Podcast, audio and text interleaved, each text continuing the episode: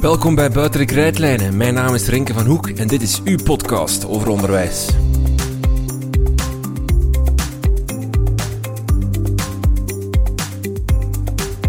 Ook in dit schooljaar krijgt u weer maandelijks een aflevering in samenwerking met TeacherTap.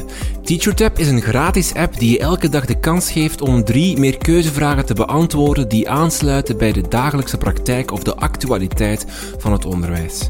Want elke dag staan velen van jullie voor de klas, werken aan onderwijsbeleid of doen onderzoek naar onderwijs. En hoewel je veel met je collega's spreekt, vraag je je soms ook wel eens af of dat elders ook zo is. Wat denken al die andere leraars hierover? Wat zouden anderen hebben gedaan? Om een zicht te krijgen op wat al die andere onderwijsprofessionals denken, is er dus TeacherTap Vlaanderen.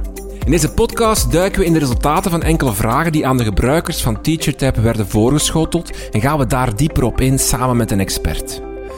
Deze aflevering gaat over teamteaching, met meer dan één leerkracht voor de klas staan dus. Daarover werden in de app een aantal vragen gesteld aan de respondenten. Zo vroeg TeacherTap wie al eens aan teamteaching deed, maar zocht ook uit wat teamteaching nu zo moeilijk maakt. We leggen de resultaten voor aan Joost van Dalen, directeur van Klim, een basisschool in Gent. De school verenigt zowel kleuteronderwijs als laagonderwijs samen op één campus. In Klim doen ze al jaren aan teamteaching. We praten met Joost hoe hij samen met zijn collega's teamteaching vormgeeft in de school en wat hij denkt over de resultaten van de bevraging in TeacherTap. Joost van Dalen over teamteaching.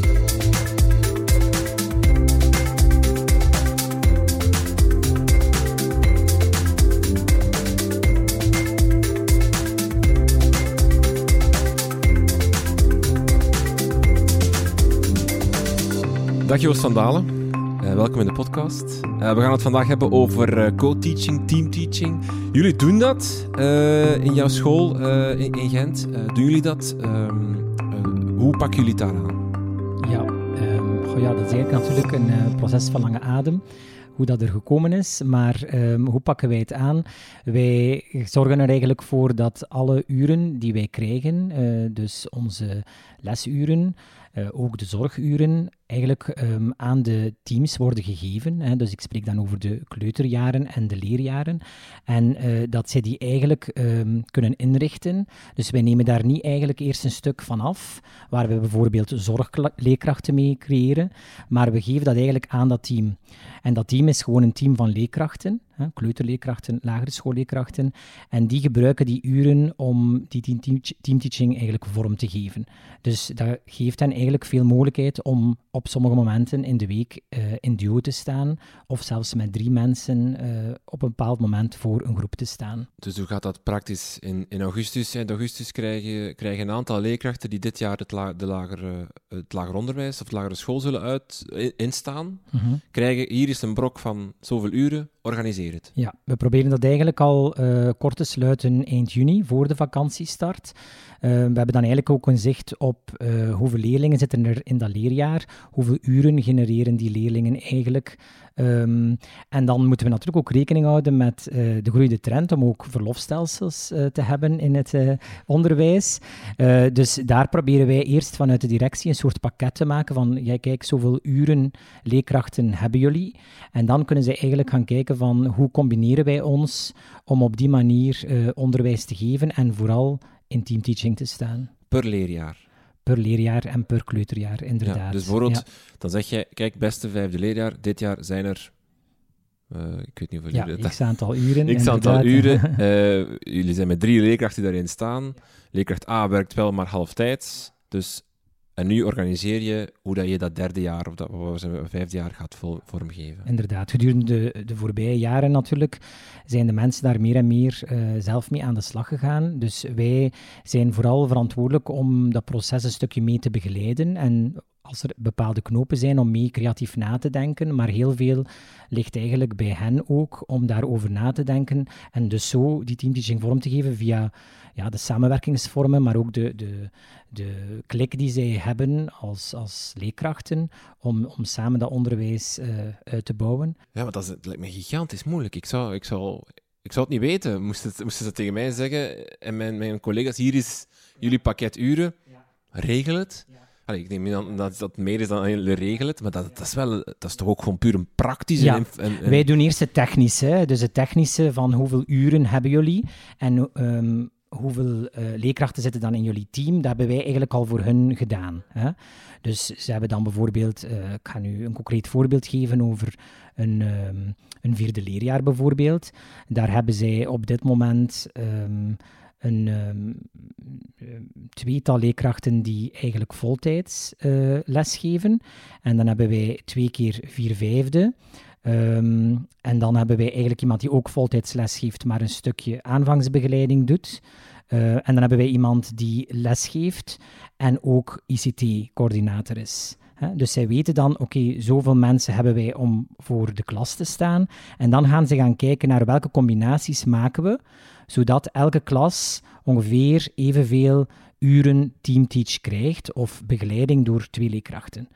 Natuurlijk is het ook belangrijk om als het schooljaar gestart is, te gaan kijken van ja, welke klassen hebben misschien meer nodig of welke klassen kunnen eigenlijk met wat minder um, verder. En dan kunnen ze dus daar ook verschuivingen in maken.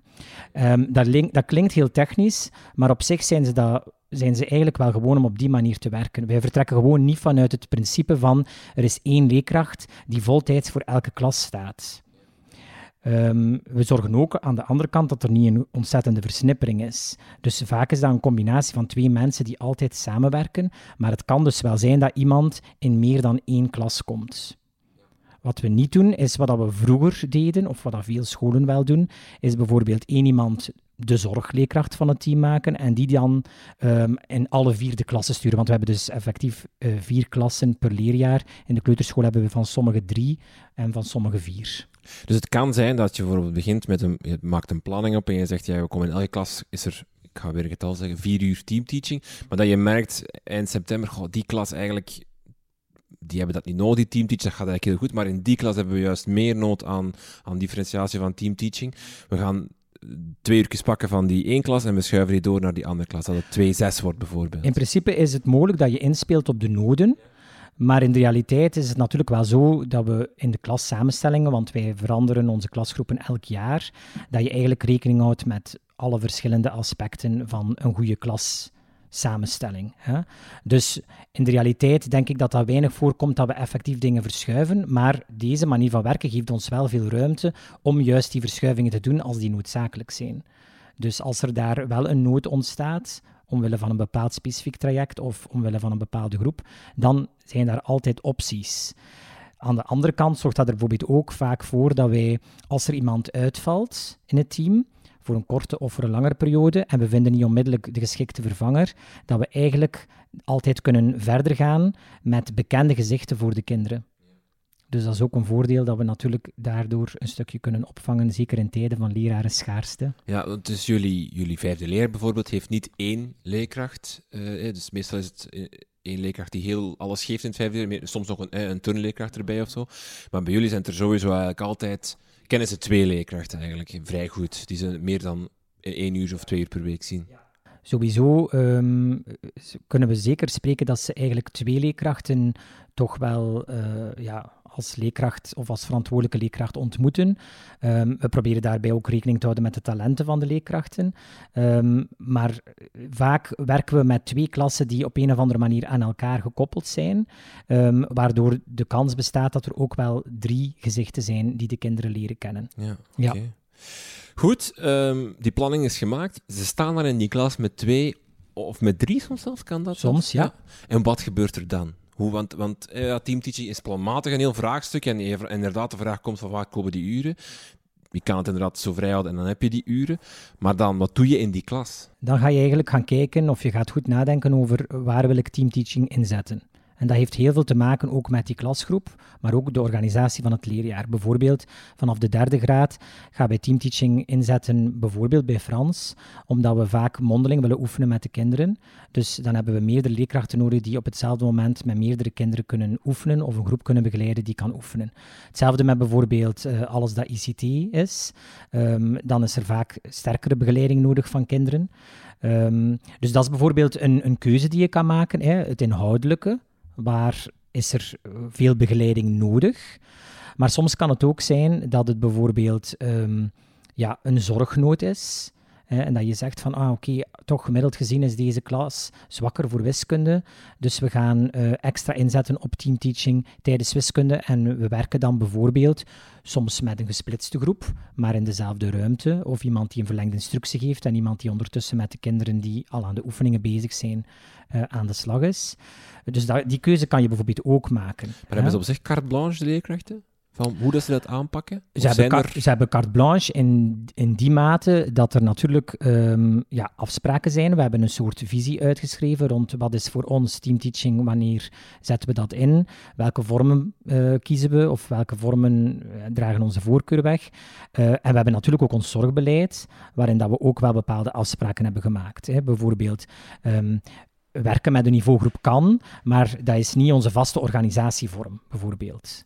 Dus je kan wel zeggen in het, in het blokje Frans dat je gaat doen van ik ga ze even op niveau verdelen over de twee of drie leerkrachten, maar het is niet de bedoeling dat dat standaard wordt. Bij het is niet de bedoeling dat dat standaard wordt. Het hangt er ook vanaf van um, ja, wat is uw doel op dat moment. Hè?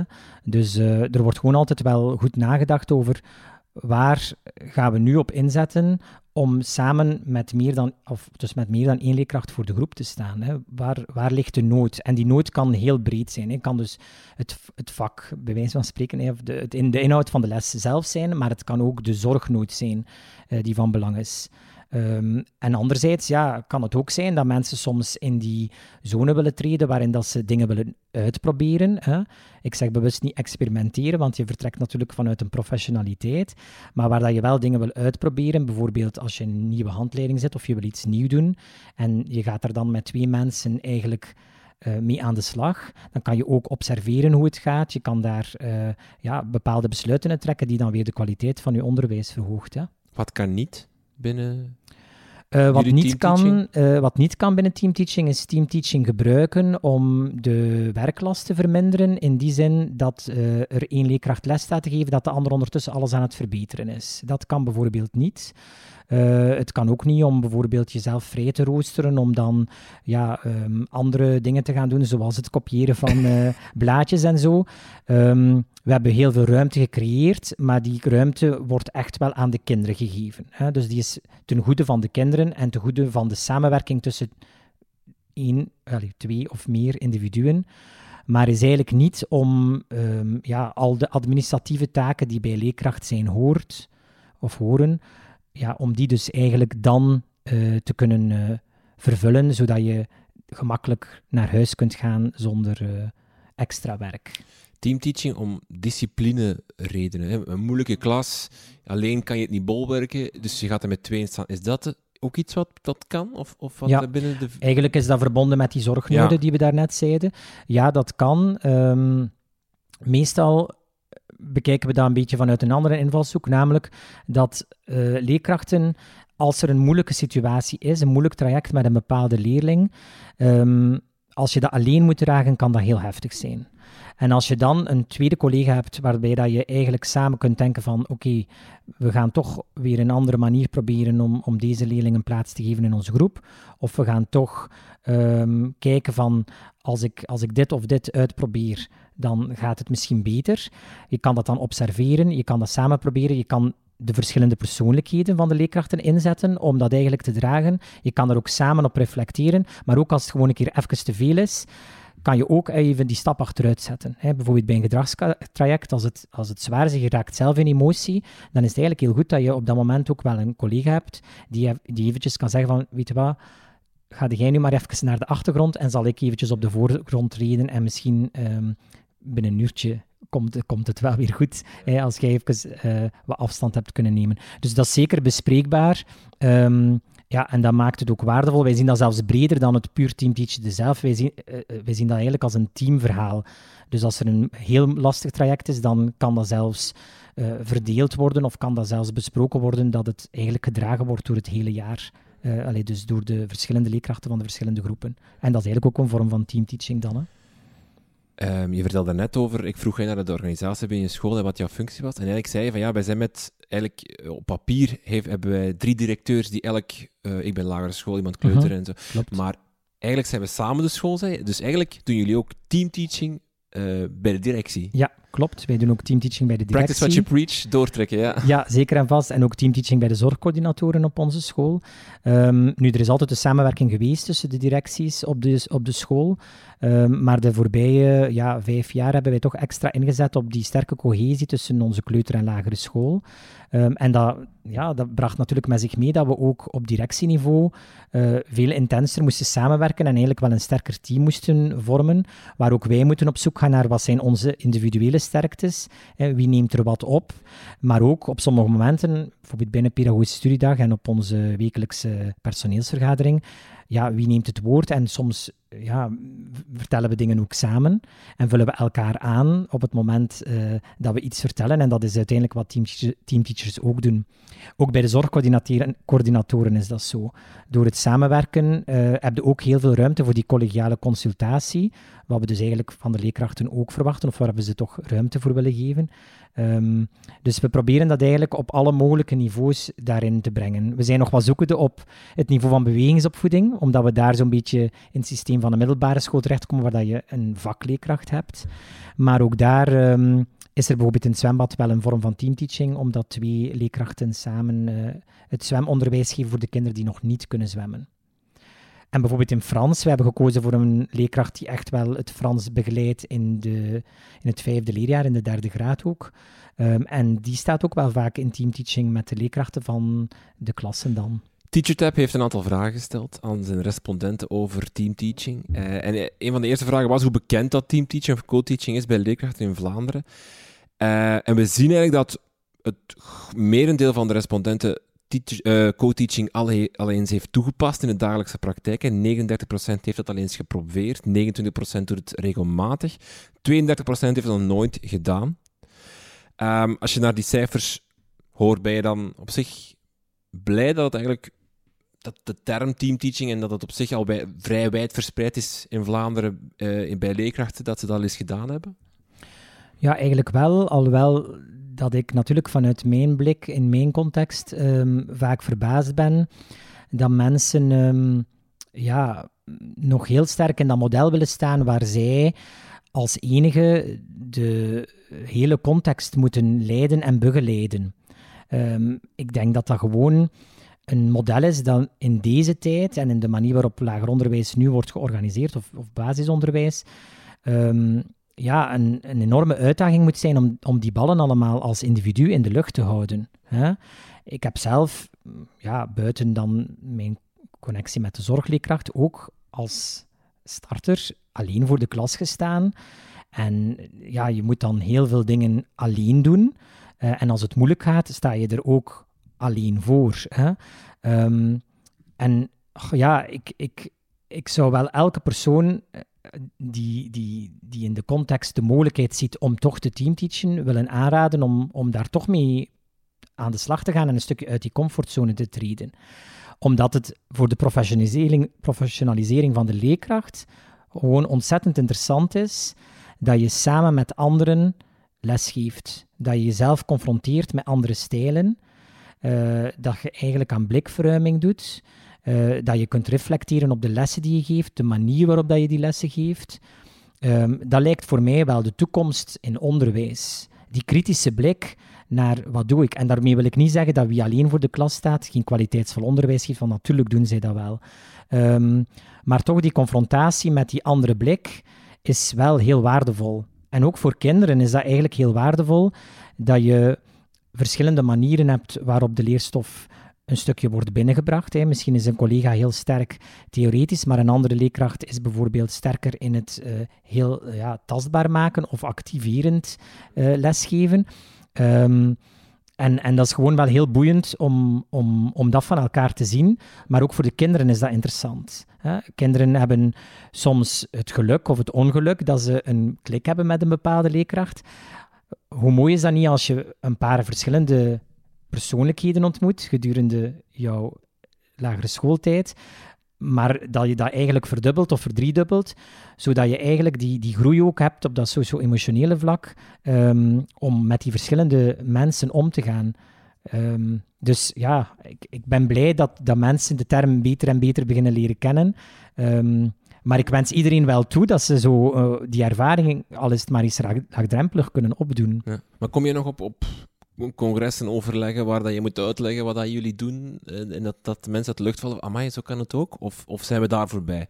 Goh, ik, ik, heb meer de indruk dat mensen um, daar echt nog niet zo heel erg veel, nog niet heel erg veel ervaring mee hebben. Dat is omdat heel veel basisscholen wel werken met de, met de sterke opdeling van een klasleerkracht en een zorgleerkracht. En als je werkt met die termen, die wij dus achterwege hebben gelaten, dan heb je dus inderdaad die ene leidende figuur die alle verantwoordelijkheden draagt, en dan die zorgleerkracht die volgens zijn of haar persoonlijk profiel um, ja, binnenkomt, binnenkomt als bezoeker. dat is natuurlijk niet altijd zo.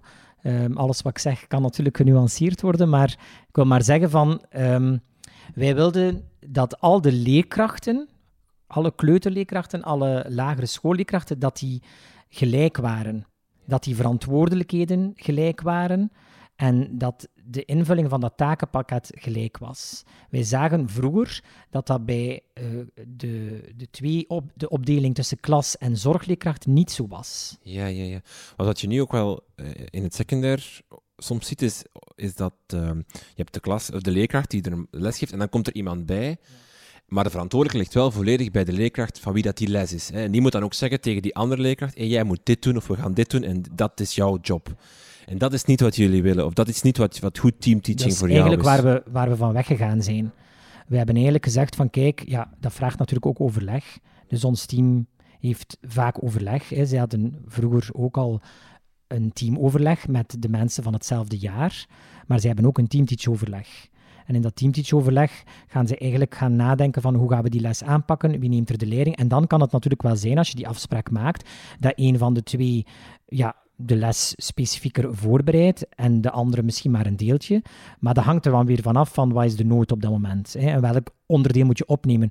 Maar het nadenken daarover, ja, dat zorgt er inderdaad voor dat je niet altijd dezelfde opdeling hebt van dit is de leidende figuur en dit is de volgende figuur. Dat is een vorm van teamteaching en die is ook niet fout. Maar het is niet de bedoeling dat we leerkrachten hebben die ergens binnenkomen en dan voor de eerste moment maar, of op dat moment maar realiseren van dit is wat ik nu moet gaan doen. Zo werkt eigenlijk niemand of bijna niemand op onze school. Die hebben zelf ook allemaal al een zicht vanuit een teamoverleg en vanuit een teamteachoverleg van dit is wat we gaan doen.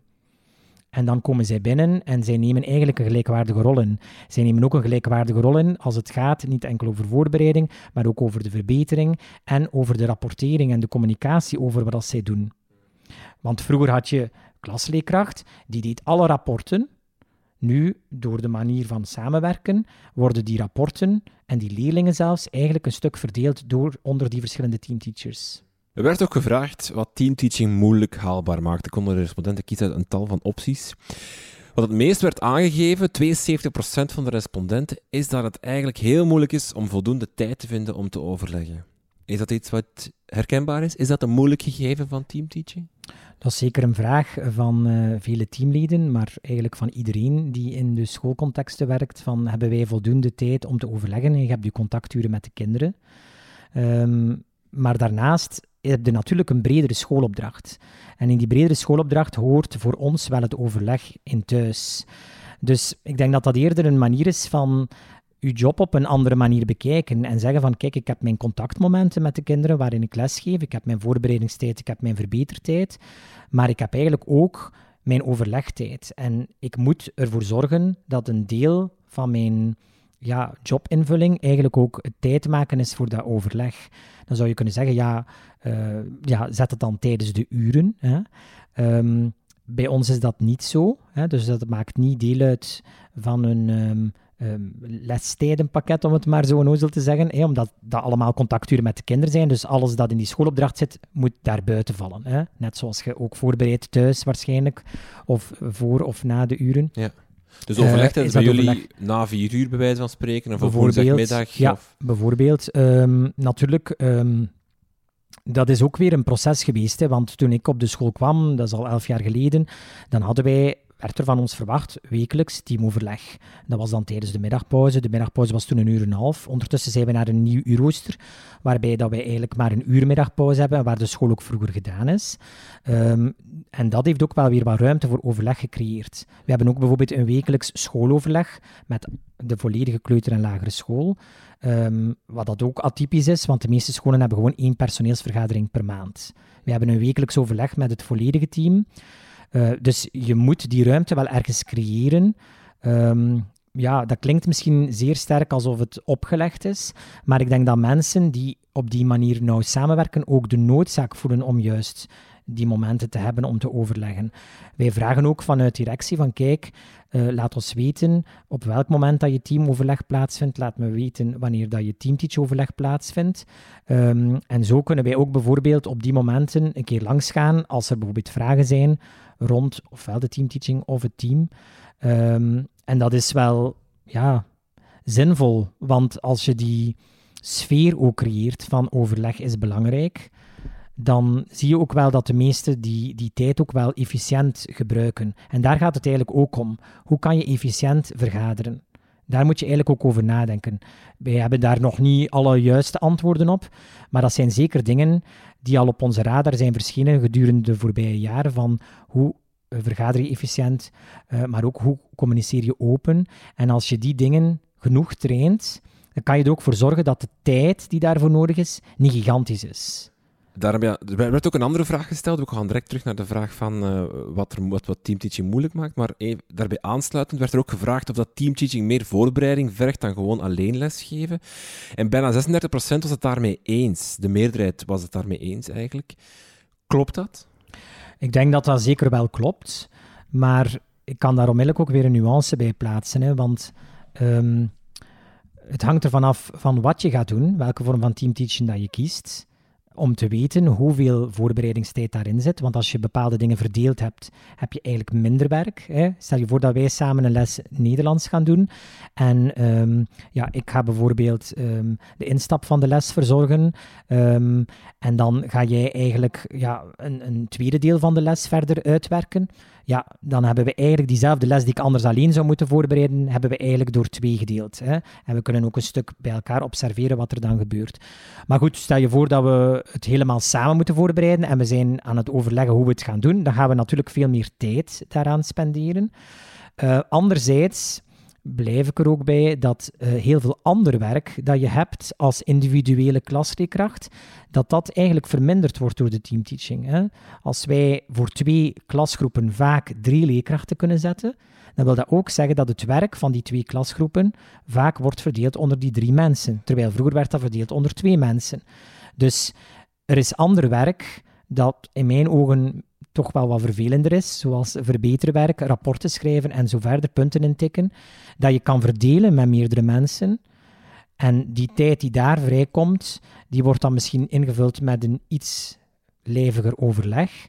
Maar dat lijkt mij dan toch iets dat u meer energie geeft als leerkracht dan uren achter uw bureau alleen alles zitten te verbeteren en te analyseren. Um, ik weet in ieder geval dat ik als leerkracht echt niet graag verbeterde. ik ook niet, maar um, Merken jullie ook dat, dat het, want je zit met, met een gigantische lerarentekort, een lerarenuitval die heel groot is, die heel vaak gelinkt wordt aan planlast, werklast, aan gewoon te veel druk, aan te veel stress. Je, zei het daarnet al van dat alleen zijn als nieuwe leerkracht, als jonge leerkracht, gewoon überhaupt als leerkracht, neem je, een beetje, neem je weg met dat teamteachen, je bestaat er niet alleen voor. Zie je, kan je een soort van correlatie zien tussen die twee? Van, zien jullie ook een vermindering in, in, in uitval van leerkracht, omdat ze er niet alleen voor staan? Omdat ze dingen kunnen delen met elkaar? Als ik kijk naar de voorbije jaren, de voorbije vier, vijf jaar, hebben we toch heel wat nieuwe starters uh, in onze school gehad. Niet alleen jonge leerkrachten, maar ook mensen die bijvoorbeeld zijnstromers zijn. En ik merk wel dat zij inderdaad drie, vier, vijf jaar later er nog steeds zijn. En dat ik ook niet heb uh, kunnen observeren dat ze zo die, uh, die extreme golf hebben gehad die je soms hebt als starter, waar dat je zo overspoeld wordt door amai, al die verantwoordelijkheden en dan die contacten met die ouders. En ja, zeker iemand die 21 is en start, dat is wel nog altijd heftig. Um, je staat er eigenlijk altijd, zoals je net zei, niet alleen voor. Hè? Dus ik merk wel dat er minder uitval is. Um, Sowieso vind ik het wel interessant, omdat wij de sfeer proberen hebben op onze school, waarbij we zeggen van kijk, ja, leerkracht zijn is, een, ehm, is helaas nog ergens een, soort vlakke loopbaan. Door te teamteachen kan je eigenlijk ehm, ook ergens ruimte creëren om op een uh, ander niveau met onderwijs bezig te zijn, op een kritischer niveau, denk ik, dan als je er alleen voor staat. Ehm, wat wij wel zien en wat ik een goede evolutie vind, is dat mensen in vraag stellen van uh, maakt het mij gelukkig, het lesgeven op zich. Want ja, je ziet wel natuurlijk dat het dan ook verandert. Hè, de manier waarop dat je leerkracht bent. Als je heel graag er helemaal alleen voor stond en je eigen koninkrijk had, om het zo eventjes uh, onrespectvol te benoemen, ja, dan heb je bij ons misschien wel het gevoel dat dat verdwenen is. Omdat je daar moet samenwerken met anderen. Um, maar die kritische vraag die bij mensen ontstaat van is dit wat ik wil, maakt het mij gelukkig, vind ik sowieso positief. Terug naar ons lijstje van dingen die teamteaching moeilijk maakt. Dat is eigenlijk een beetje een negatieve insteek, maar goed. Uh, eh, 62% geeft aan dat het moeilijk is om een team, teamteach-vriendelijk lokaal te hebben. Is dat, hoe hebben jullie dat? Hoe zijn jullie lokalen? Ja, dat is zeker een, ehm, een, een vraag die bij ons ook hoog aan het, eh, op het lijstje prijkt. Als je naar onze visie kijkt, dan staat dat er ook in. Um, ja, de realiteit is dat veel schoolgebouwen in Vlaanderen uh, helaas uh, klassiek zijn en oud zijn. Um, en dat is bij ons op zich niet, niet anders. maar er zijn altijd opties. Hè. We hebben, enerzijds hebben we natuurlijk nieuwbouwprojecten. Um, we hebben een grote verbouwing van onze kleuterschool gedaan, waar nu net uh, heel veel mogelijkheid is tot teamteaching, omdat we ook onze gangen verbreed hebben en dat er dus veel meer ruimte is ontstaan. Maar in de meeste gebouwen, ook nog bij ons op school, heb je dus eigenlijk ook de klassieke klaslokalen. Ja, een vierkant rechthoekig klaslokaal met 25 of 20 bankjes in. Juist, ja. Um, wij hebben bijvoorbeeld een, uh, een een oude eetzaal die iets kleiner was, hebben wij wel in twee lokalen um, getransformeerd, waar we dan een wand in hebben gezet die open en dicht kan. Dat is bijvoorbeeld een voorbeeld van de manier waarop dat we daarmee omgegaan zijn. Bij ons was het geen optie om bijvoorbeeld uh, een extra uh, doorgangsruimte te maken tussen twee ruimtes. Ook en vooral omdat binnen vijf, zes jaar gaat een bepaald gebouw ook nog weg. En dan lijkt het zinloos om daar nu alweer terug grote investeringen in te maken. Wat wij wel gedaan hebben, is um, ja, omdat wij een grote school zijn en veel ruimte hebben, is dat we eigenlijk elk uh, team ook een extra klaslokaal hebben gegeven. Dus elk team zit samen op dezelfde verdieping. Dat helpt ook om aan teamteaching te doen, omdat je dan eigenlijk heel nabij bent, um, maar daar ook een extra lokaal te voorzien. En dat het ook wel gemakkelijker is om dan bijvoorbeeld met een groep um, ja, daar, daar, daar nog samen uh, en, en meerdere leerkrachten samen iets te doen. Um, maar hoe dus- belangrijk is het echt voor, voor teamteaching, eh, de locatie? Of het lokaal of de, de infrastructuur? Of is het, kan het niet gewoon overal? Of is dat het kan eigenlijk overal, hè, want als je gewoon een... een, een uh, allee, teamteaching is voor mij niet twee klasgroepen samenzetten met twee leerkrachten. Hè? Um, je kan daarmee experimenteren, maar dan krijg je gewoon een gigantische groep leerlingen. uh, teamteaching wordt interessant als je jezelf klasgrootte hebt, tussen de 20 en de 25, en je kan daar twee leerkrachten voor zetten. En dat kan je eigenlijk in een gewoon klassiek klaslokaal ook doen. Het voordeel dat je hebt door een extra lokaal te voorzien, is dat je daar kan uh, meer experimenteren met organisatievormen. Um, en dat je daar meer, meer kunt doen, uh, omdat je soms niet aan al die banken gebonden bent, die natuurlijk wel in een klassiek klaslokaal vaak nog staan. Um, maar je kunt perfect met twee leerkrachten in een klasruimte gaan en een groep kinderen begeleiden daarin. Dat is eigenlijk geen enkel probleem. Daarvoor heb je geen aangepast lokaal nodig. Hè. Um, heb je een ideale teamteach ruimte in je hoofd? Dat, dat je zo denkt van, moest elke klas zo zijn in mijn school, dat zou fantastisch zijn? Of bestaat dat niet? Goh, ik vind het altijd wel zinvol als je je ruimte gemakkelijk groter of kleiner kunt maken. Ja. Dat is eigenlijk een voordeel. Ja. ja. Um, ik vind het ook een voordeel als je genoeg ruimte hebt om niet altijd aan banken verbonden te zijn. Um, wij hebben ook wel Erasmus Plus projecten gedaan waarin dat wij in het buitenland bepaalde dingen hebben gezien die we wel hebben meegenomen. Dus we hebben bijvoorbeeld in het vijfde leerjaar wel nog banken, maar we hebben ook uh, aparte kasten waar bakjes in staan waar al het materiaal van de kinderen in staat. Staat. En dat zorgt ervoor dat er ook een grotere mobiliteit mogelijk is. Want als je zo'n gevulde bank hebt die dan netjes ligt, ja, dan moet je altijd beginnen daarin te rommelen en, en, en zaken in moeten, kinderen moeten daar zaken in kunnen terugvinden. En als je voor een meer mobiel systeem kiest, ga je heel snel in een andere organisatievorm uh, en kan je veel sneller aanpassen aan de vorm van teamteaching die je nodig hebt. Um, ook met meubilair kan je dat doen. Hè. Dus ideaal gezien is, is, is gemakkelijk uh, verplaatsbaar meubilair ook iets dat handig is om je teamteaching vorm te geven. In het eerste leerjaar bijvoorbeeld hebben wij hele lichte banken die je heel gemakkelijk kunt verschuiven, zowel als leerkracht, maar ook als kind. En die eigenlijk afgeronde hoeken, alleen afgeronde hoeken dus niet, geen hoeken, uh, afgeronde gehelen zijn, uh, die je dus eigenlijk in elkaar kunt schuiven. Dus je kunt eigenlijk een cirkelopstelling maken die eigenlijk perfect in elkaar past. Je kunt een kleinere groep maken, je kunt daar heel... Allee, die organische vormen zorgen ervoor dat je daar heel veel dingen mee kunt doen. Ook ehm, maken we soms de keuze, bijvoorbeeld ook in het eerste leerjaar staat er, een, uh, staat er één grote tafel. En dat is eigenlijk het bureau van de leerkracht, van alle leerkrachten. Dus zij kunnen daar samen rond vergaderen, maar zij kunnen daar ook aan werken. En die staat op een centrale plaats. En leerkrachten kunnen daar dus ja, aan gaan zitten, in duo of in trio, of zij kunnen daar aan werken, zij kunnen daar ook rond vergaderen. En dat zorgt ervoor dat je niet meer um, dat individualistische hebt. Ja, ja, ja, want daar moet je een stuk van wegstappen. Hè.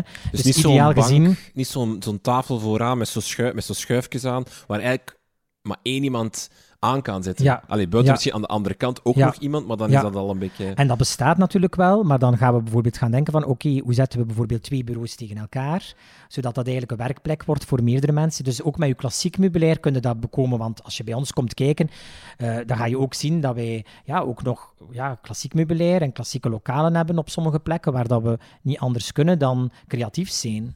Dus uh, allee, er zijn heel veel mogelijkheden, denk ik. Maar ja, het is gewoon altijd maar gaan kijken van wat heb ik eigenlijk echt nodig. Want de samenwerking met iemand anders, dat kan altijd. Hmm.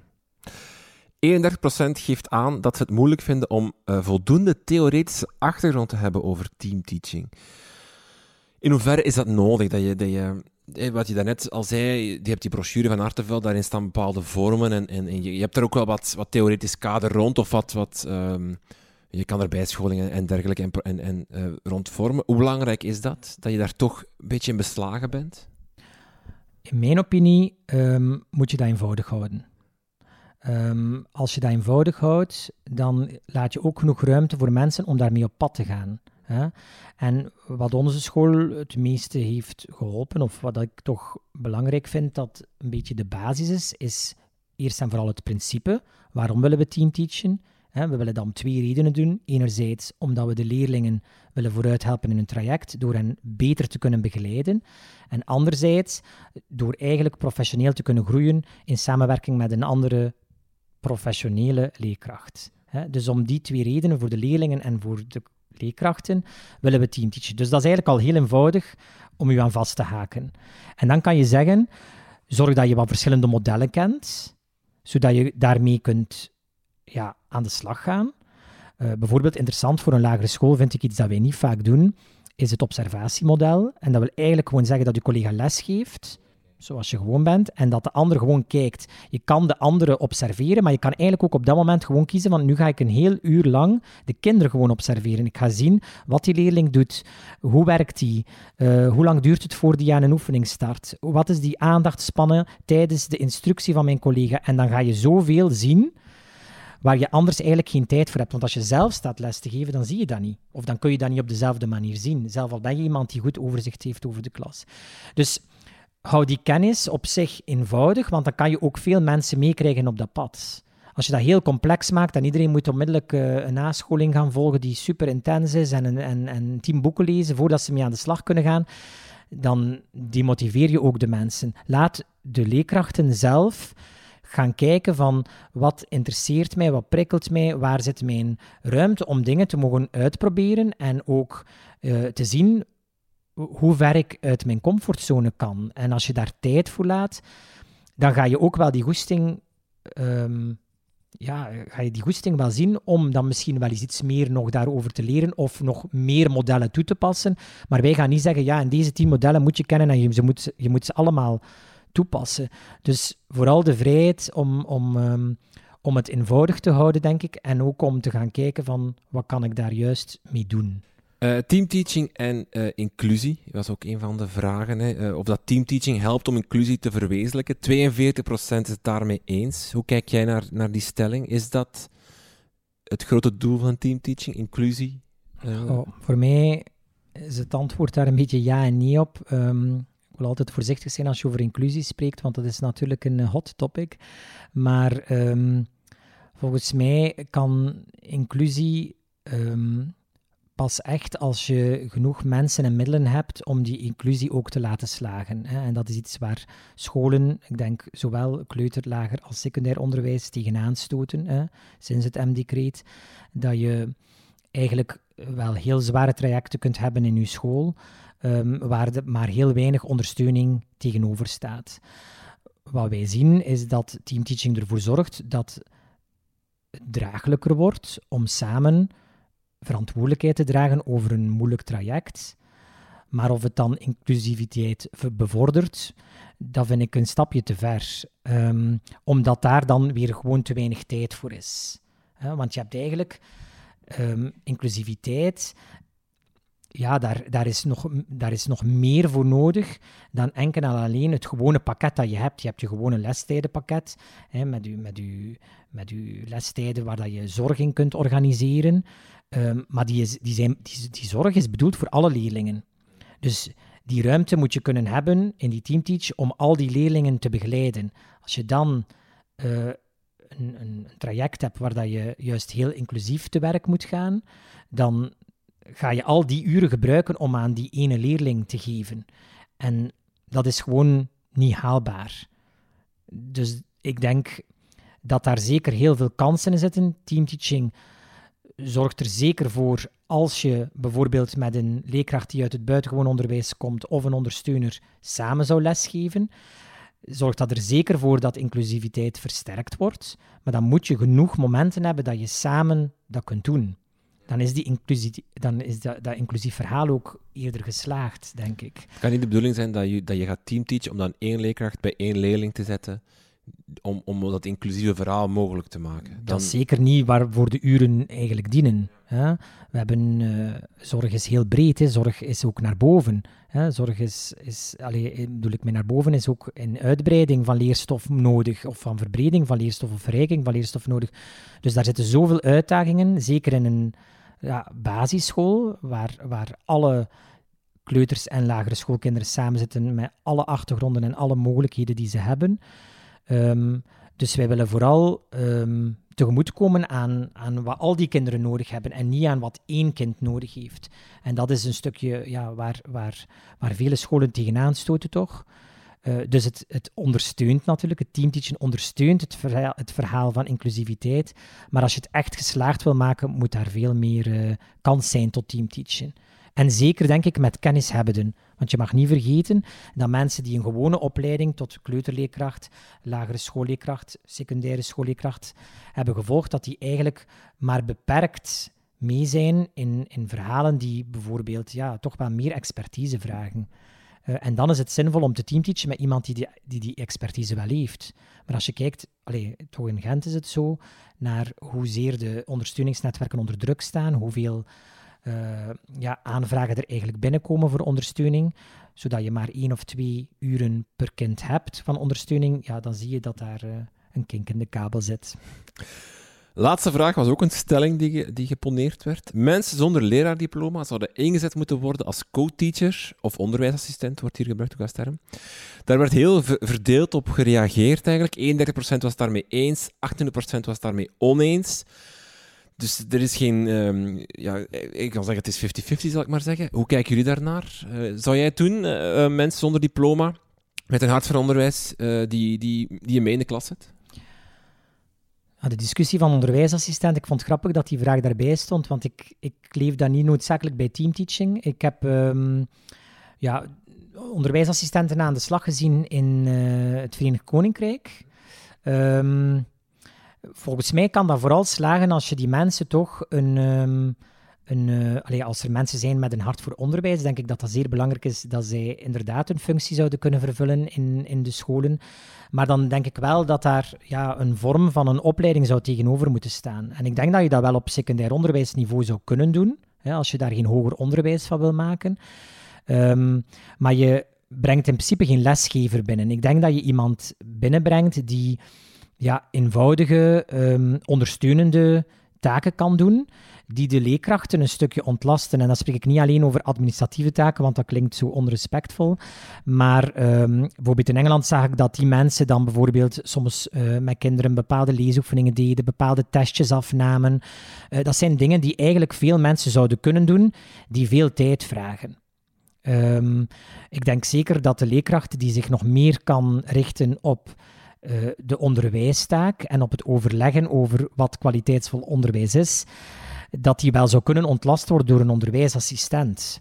Maar ik weet niet of je dan echt kunt spreken van teamteaching. Ik denk dat je dan wel samen verantwoordelijkheid draagt, maar dan heb je wel een tweedeling, denk ik, tussen iemand die ja, een bepaalde opleiding heeft gedaan, een bepaalde kennis heeft en eigenlijk didactisch heel sterk staat, samen met iemand die eigenlijk echt daar is als ondersteunende hulp. En dat is ook ja, zo benoemd in de titel, onderwijsassistent. Het is iemand die assisteert. Die gelijke hoogte waar je het, waar je het net over had, die is weg dan wel. Hè? Dus ik ben zeker voor onderwijsassistenten, um, maar voor mij is dat niet hetzelfde als teamteachen. Bij teamteachen spreek je over gelijkwaardigheid. Daarom doe je nog niet exact hetzelfde, maar je spreekt wel over gelijkwaardigheid. Opnieuw niet wil zeggen dat ik onderwijsassistenten, ze bestaan niet bij ons, dus kan ze ook niet beledigen, denk ik. Maar ik denk dat ze, um, ja, dat ze echt wel als assistent binnenkomen.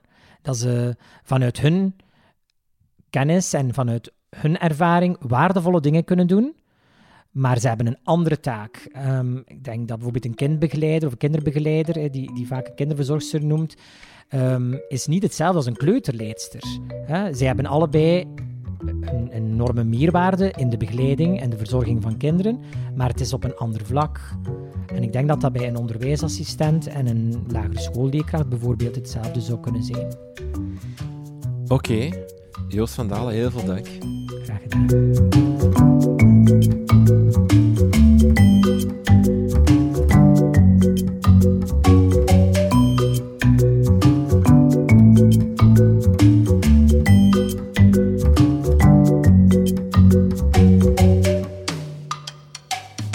Dit was het dan weer voor deze aflevering in samenwerking met TeacherTap Vlaanderen.